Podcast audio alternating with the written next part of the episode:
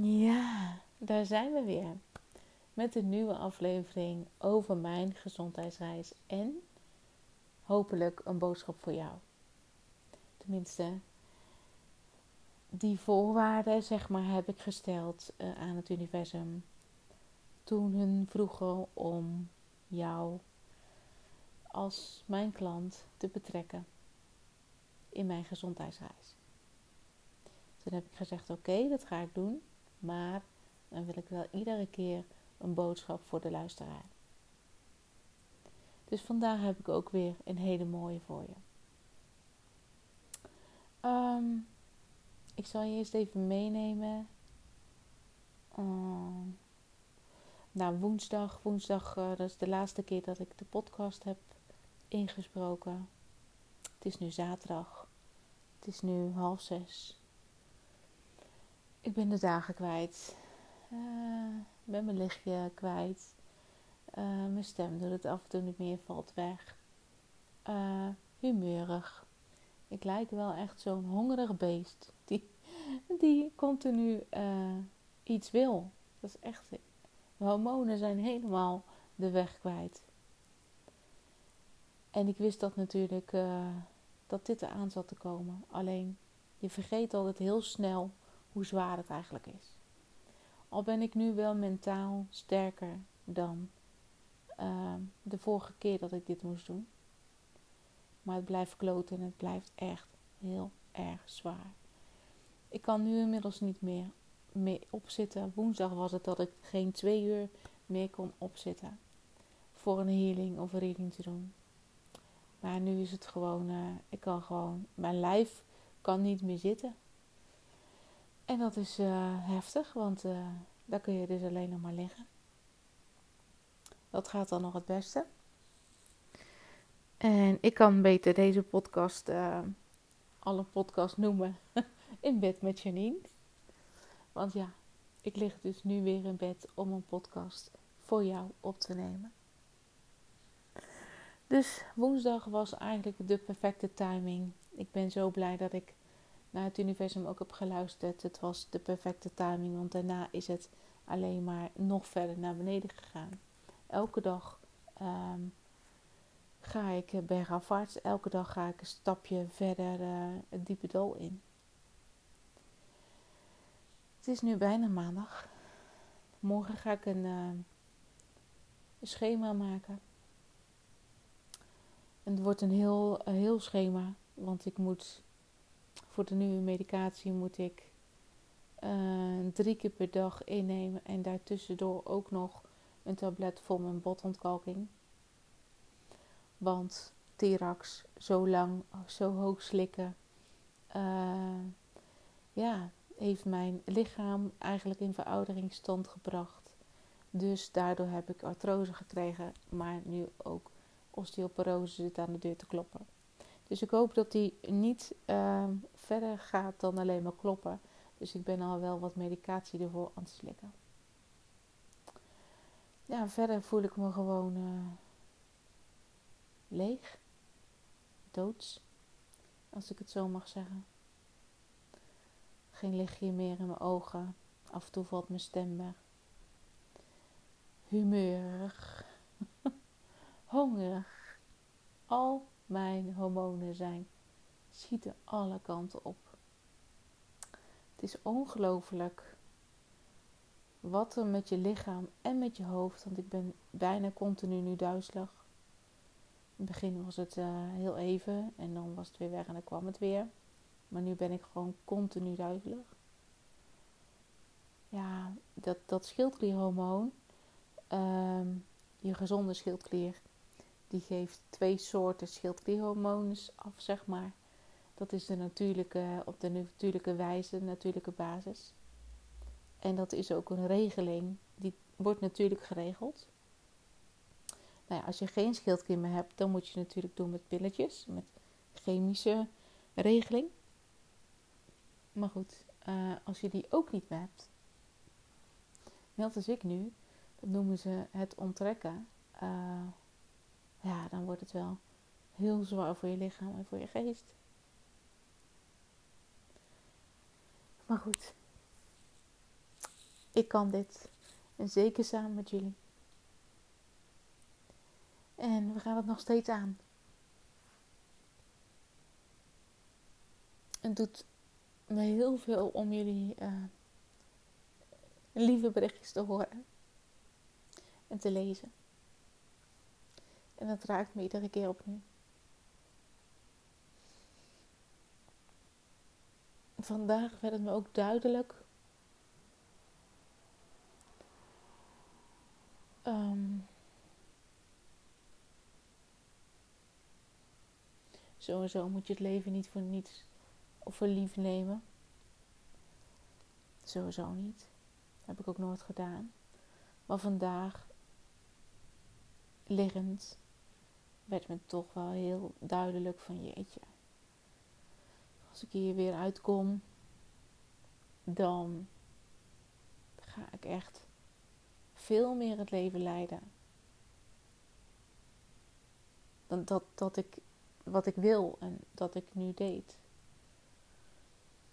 Hoe dat precies uh, in elkaar gaat zitten, weet ik nog niet.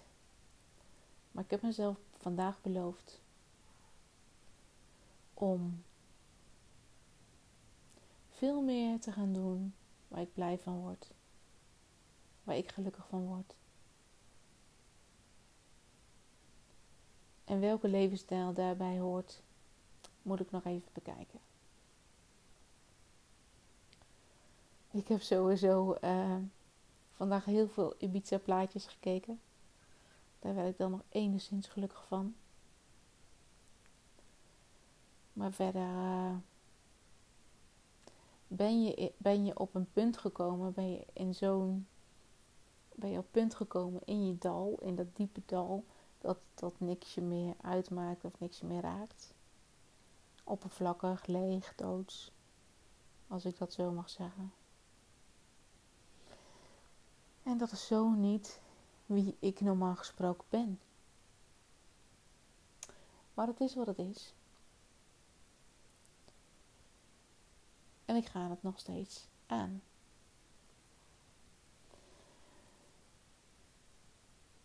Ik weet niet. Um, ik weet niet of ik wel eens een keer verteld heb. Ik denk het niet trouwens. Want ik ben in mijn podcast zo open en zo kwetsbaar. Daar ben ik echt het meeste open en het meeste kwetsbaar van alles geweest. Dus ik denk niet dat ik je dit verteld heb. Ehm, ik wil je even meenemen. Uh, ik denk dat dat dan nog 2010 was dan. Nou, maakt niet uit. Um, naar het moment dat ik doorkreeg vanuit het universum dat ik ziek was of schildklierkanker had. En toen de tijd was ik nog niet zo ontwikkeld als nu. Uh, nog niet zo ver met mijn spiritualiteit als nu. Nog niet zo ver in mediumschap als nu. Maar ik was er al wel, uh, wel mee bezig. En um, de verzekeringsagent kwam bij ons toen. En ik was koffie aan het zetten voor die man. En nou ja, die jongen was een beetje hetzelfde leeftijd als ik, denk ik. Iets ouder, denk ik. En hij zei, nou heb ik toch wat. Ik heb schildklierkanker. En hij zat met de vader van Mike toen nog aan één tafel. En ik stond met mijn rug naar hem toe om koffie te maken. En wat er op dat moment door mij heen ging,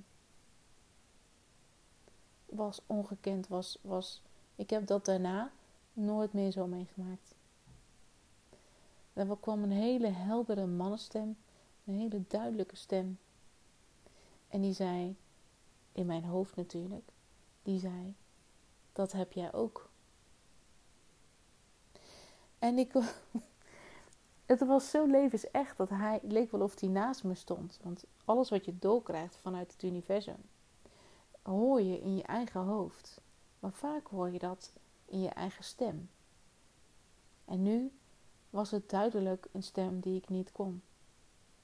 duidelijk een mannenstem. Heel helder, heel zuiver, maar vooral heel duidelijk. Een duidelijke boodschap.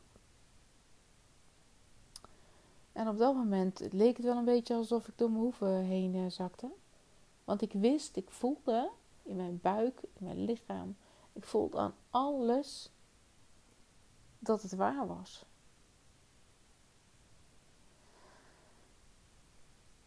En toen dacht ik: oké, hier uh, moet ik wat mee.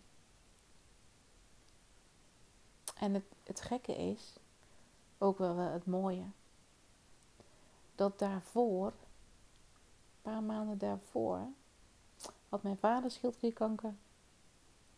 En toen kreeg ik uh, vanuit mijn intuïtie, kreeg ik het gevoel, ja, maar ik heb dat denk ik ook.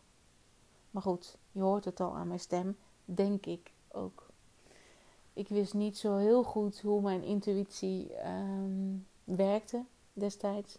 Ik wist ook niet zo goed hoe ik hem groter moest maken destijds.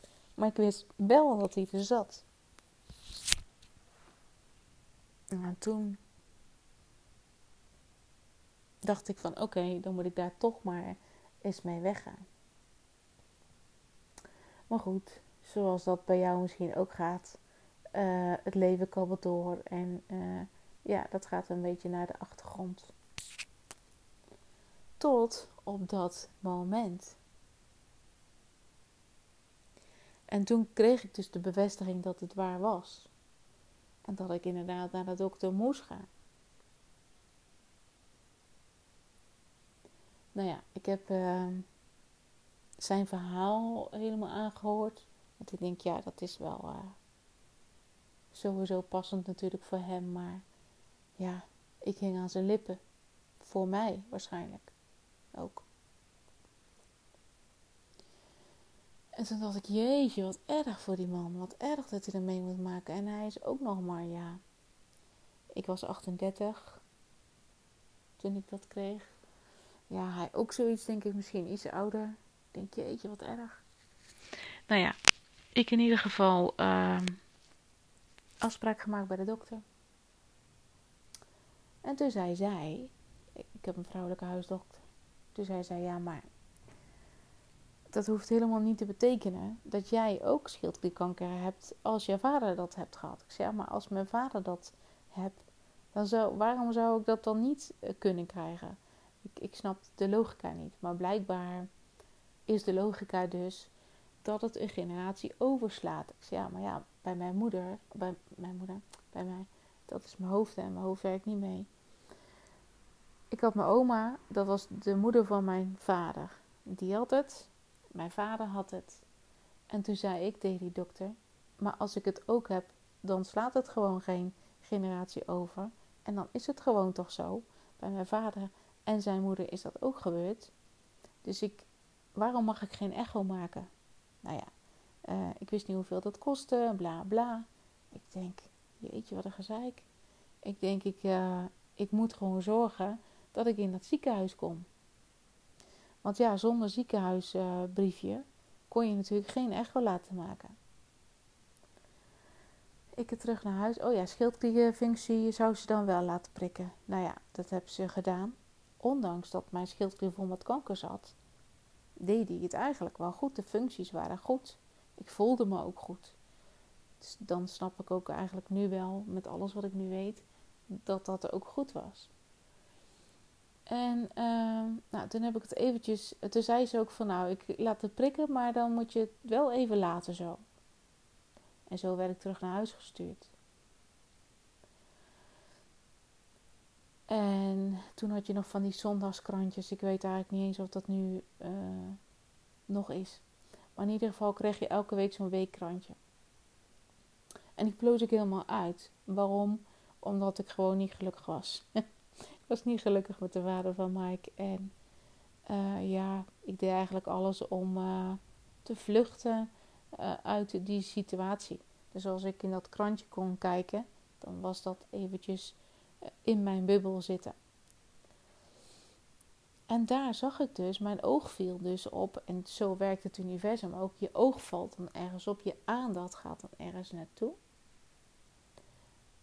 Mijn oog viel op een artikel dat een dokter vanuit het AMC eh, was, het, Amsterdam in ieder geval, Universiteit Amsterdam, naar Berg op Zoom zou komen. Hij was endocrinoloog. Ik denk endocrinoloog, nooit van gehoord. Maar goed, hij uh, was dus best wel een geleerde man.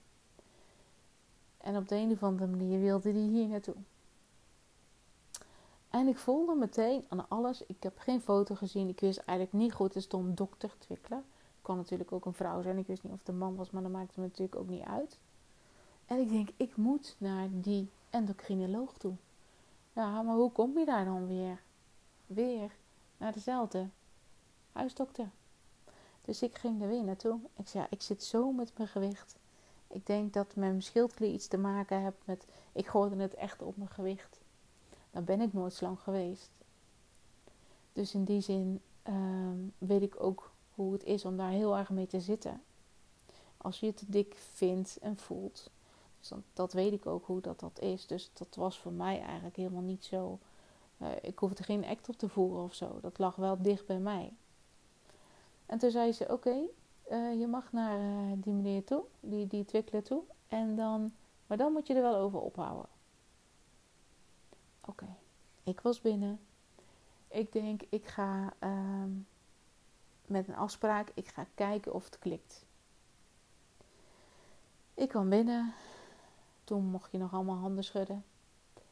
En uh, nou, eerst allemaal onderzoeken voor mijn gewicht en zo allemaal.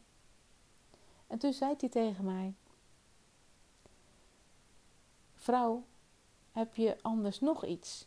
Heb je anders nog iets? Want ja, nou ja, goed, hij zei altijd vrouw dit en vrouw dat. Dat is iets uh, Amsterdams, denk ik of zo, ik weet het niet.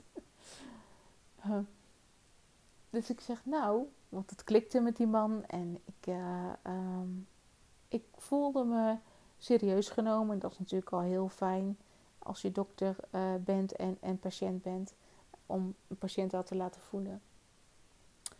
En toen zei ik, nou, eigenlijk wel. Dus toen vertelde ik van mijn gevoel. Ik vertelde niet wat ik door had gekregen, maar wel van mijn gevoel, want die was daar het eerst, van mijn intuïtie.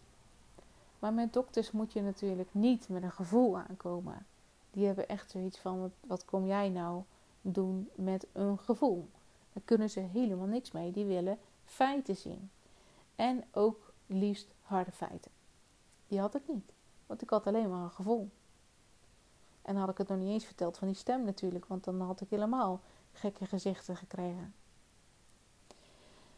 Dus toen zei hij: Nou, vrouw, als jij dat gevoel hebt, dan gaan we dat toch gewoon onderzoeken. Ik was zo blij dat hij dat zei.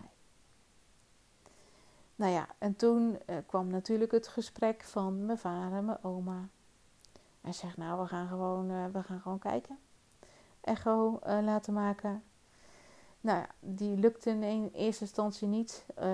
tenminste moest ik een punctie, want er, er zat natuurlijk wat. En toen zei ze tegen mij in het ziekenhuis, ehm, de radioloog zei, ja, aan de andere kant zie ik ook wel wat. Maar uh, ik denk dat dat gewoon, ja, hoe zei die nou, een kieste of zoiets is.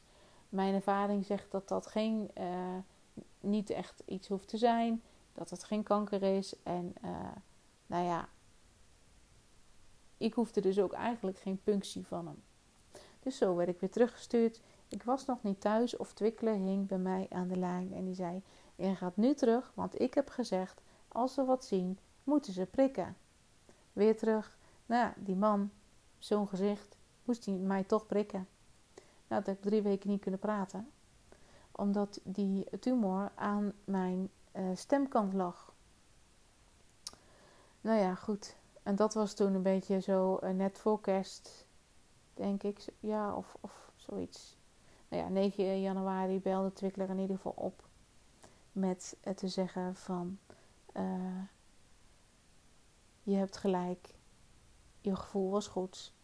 Je hebt dezelfde schildkliercarcinoom als je vader en als je oma. Want dat, ondertussen had hij dat ook allemaal opgevraagd. Dus ja, ehm, de boodschap van vandaag en waar ik dan zo blij mee ben, als ik kijk hoe ik begon als een dood vogeltje. En als ik nu voel dat ik toch wel een beetje kracht in mijn stem heb en kracht in mijn lijf voel, ja, dan kan ik daar alleen maar super dankbaar voor zijn. Dat jij luistert en dat je tot nu toe hebt geluisterd. Want uh, het universum helpt mij dus om uh, de boodschap naar jou te brengen. Moet er wel een beetje inkomen natuurlijk, maar ik hoop dat je dat begrijpt. dus de boodschap van vandaag is: luister altijd naar je intuïtie. En je intuïtie zit in je buik, in je onderbuik, in je buikstreek. En daar zit een soort stroming um, waar je naartoe kan gaan, maar wat ook anders gaat stromen bij als het niet de waarheid is. Bijvoorbeeld, um, ik heb wel eens een test gedaan met iemand. Oh, trouwens, volgens mij zit het in de cursus Blijf dicht bij jezelf. Of hoe blijf je dicht bij jezelf? Dan laat ik een appel zien in een glas water. En bij de appel zeg ik: Dit is een glas water. Dit is een glas water. Dit is een glas water. En als het goed is, voel jij dat nu zelf ook, dan gaat er iets gebeuren in je lichaam. Dan gaat de stroming veranderen. En dat was natuurlijk anders, want mijn cursist die zag mij die appel vasthouden, zeg maar. Dus dat is natuurlijk ook met beeld. Maar misschien dat je het nu al, al uh, wel ook wel krijgt. En bij het glas water zei ik: Dit is een appel. Het is net andersom om die stromingen uh, of die, die stroming in je lichaam te laten voelen dat dat bij niet de waarheid, dat dat dus meteen plotsklaps verandert. En die verandering, die voel je, die andere stroming voel je in je lijf als niet zo fijn. Als gewoon, ja, dan denk je van, hè, waar komt dat vandaan? Een, een, een, een heel apart uh, irritant gevoel is dat. En dan zegt je intuïtie dus eigenlijk tegen jou: dat is niet jou of de waarheid. En als ik zeg met een glas water en ik zeg dit is een glas, glas water, dan gaat die stroming weer gewoon terug en voelt het gewoon rustig in je buik. En zo werkt intuïtie. En intuïtie kunnen we dus gewoon vergroten. En uh, ik moet eventjes nog een manier verzingen hoe ik uh, toch weer met kaartjes kan komen in de groep.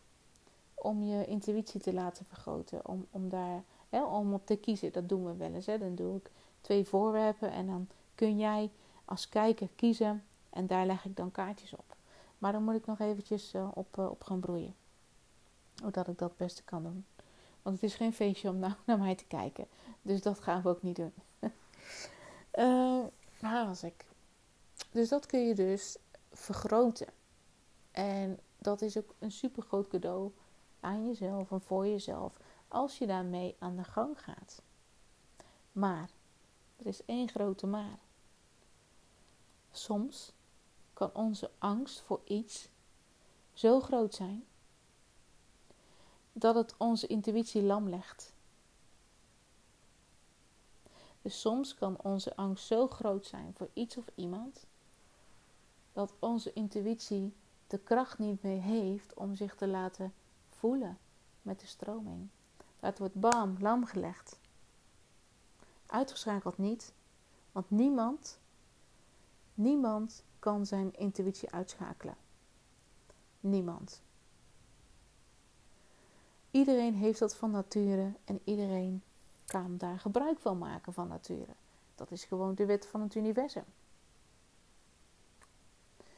Dus denk niet dat jij geen intuïtie hebt, want dat heb je wel. Daar ben je mee geboren. En zo ga je ook van deze aardbol af. Met je intuïtie. Je intuïtie hoort bij je ziel. Geen discussie.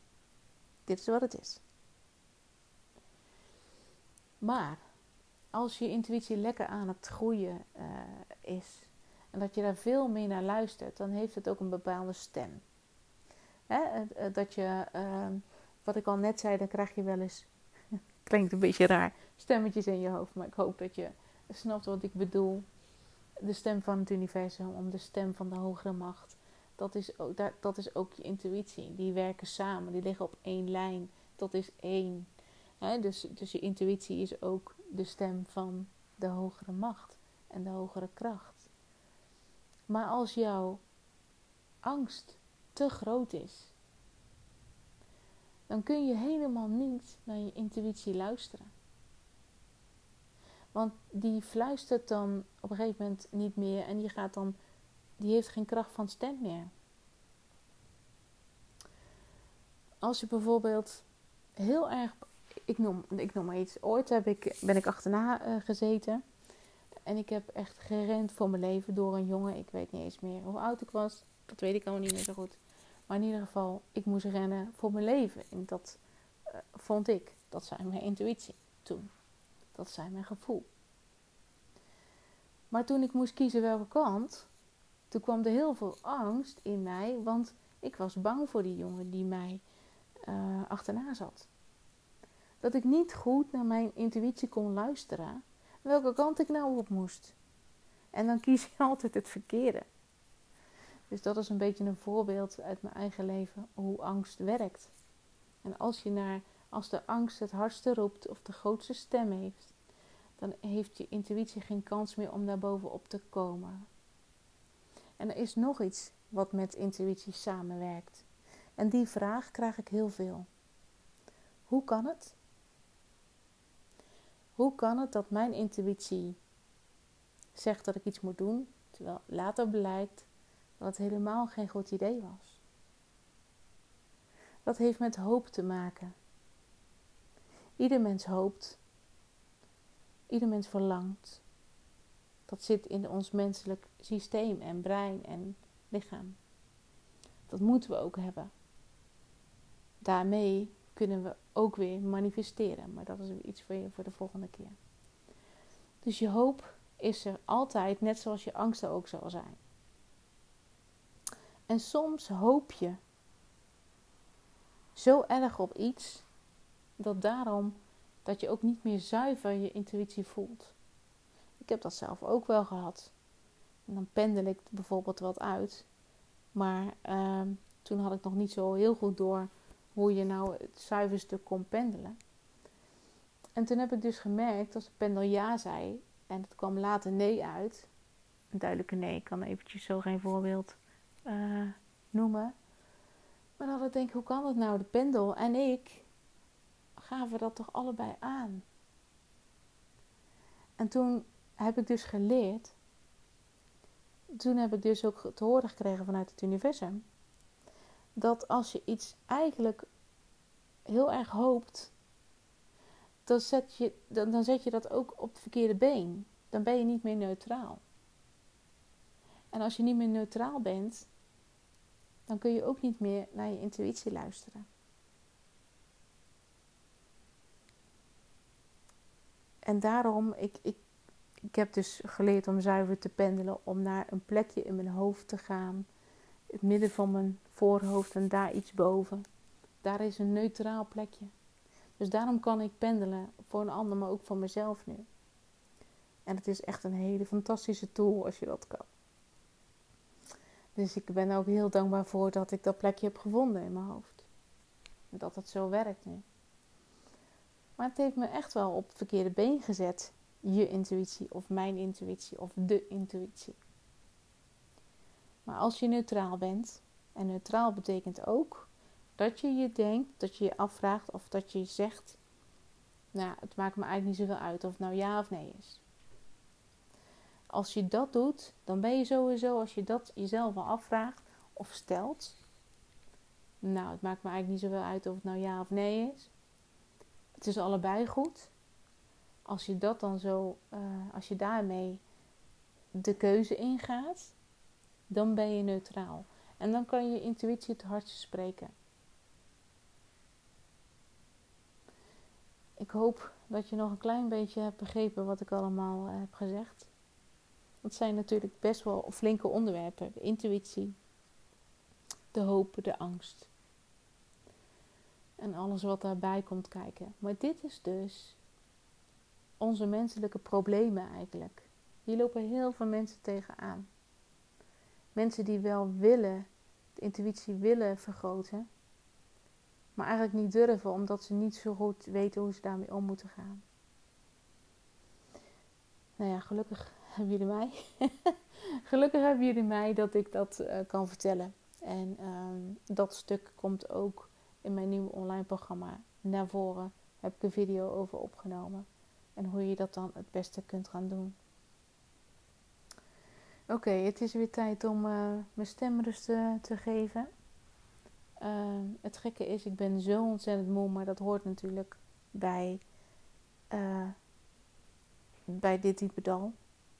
Ik word moe wakker, ik, ga moe, ik ben continu dood en dood, dood, dood, dood moe. Maar ik kan niet slapen overdag. Dat is altijd een, ding van mij geweest. Dus ik ga wel mijn ogen dicht doen. Ik zal waarschijnlijk niet gaan slapen. Maar uh, dan kan ik tenminste misschien nog kijken wat er op mijn bord ligt vanavond. Oké, okay, lieverd. Ik wens je een mooi weekend, een mooie avond of een mooie dag, wanneer je dan ook luistert. En um, ik hoop de maandag even te zijn om met je te delen uh, hoe ik en, en ja, hoe ik die dag ben gestart met de nieuwe medicatie. Waar ik ontzettend naar uitkijk maar waar ik ook heel erg bewust van ben dat dit het ook wel eens niet kan zijn. En dan hebben we weer over de hoop. Ik hoop dat dit de Holy Grail is voor mij. Ik hoop dat dit het medicijn is voor mij. Maar ik heb al genoeg levenservaring en wijsheid dat het ook wel eens anders kan gaan lopen. Dus ik ga er gewoon neutraal in. Probeer er neutraal in te stappen. En ik voel aan mijn lichaam en aan mijn lijf of de medicatie wel zal gaan werken en of niet. Dat is gewoon mega spannend. Ik ga je niet langer uh, ophouden. Ik spreek je maandag weer. En een heel fijn weekend. Doeg!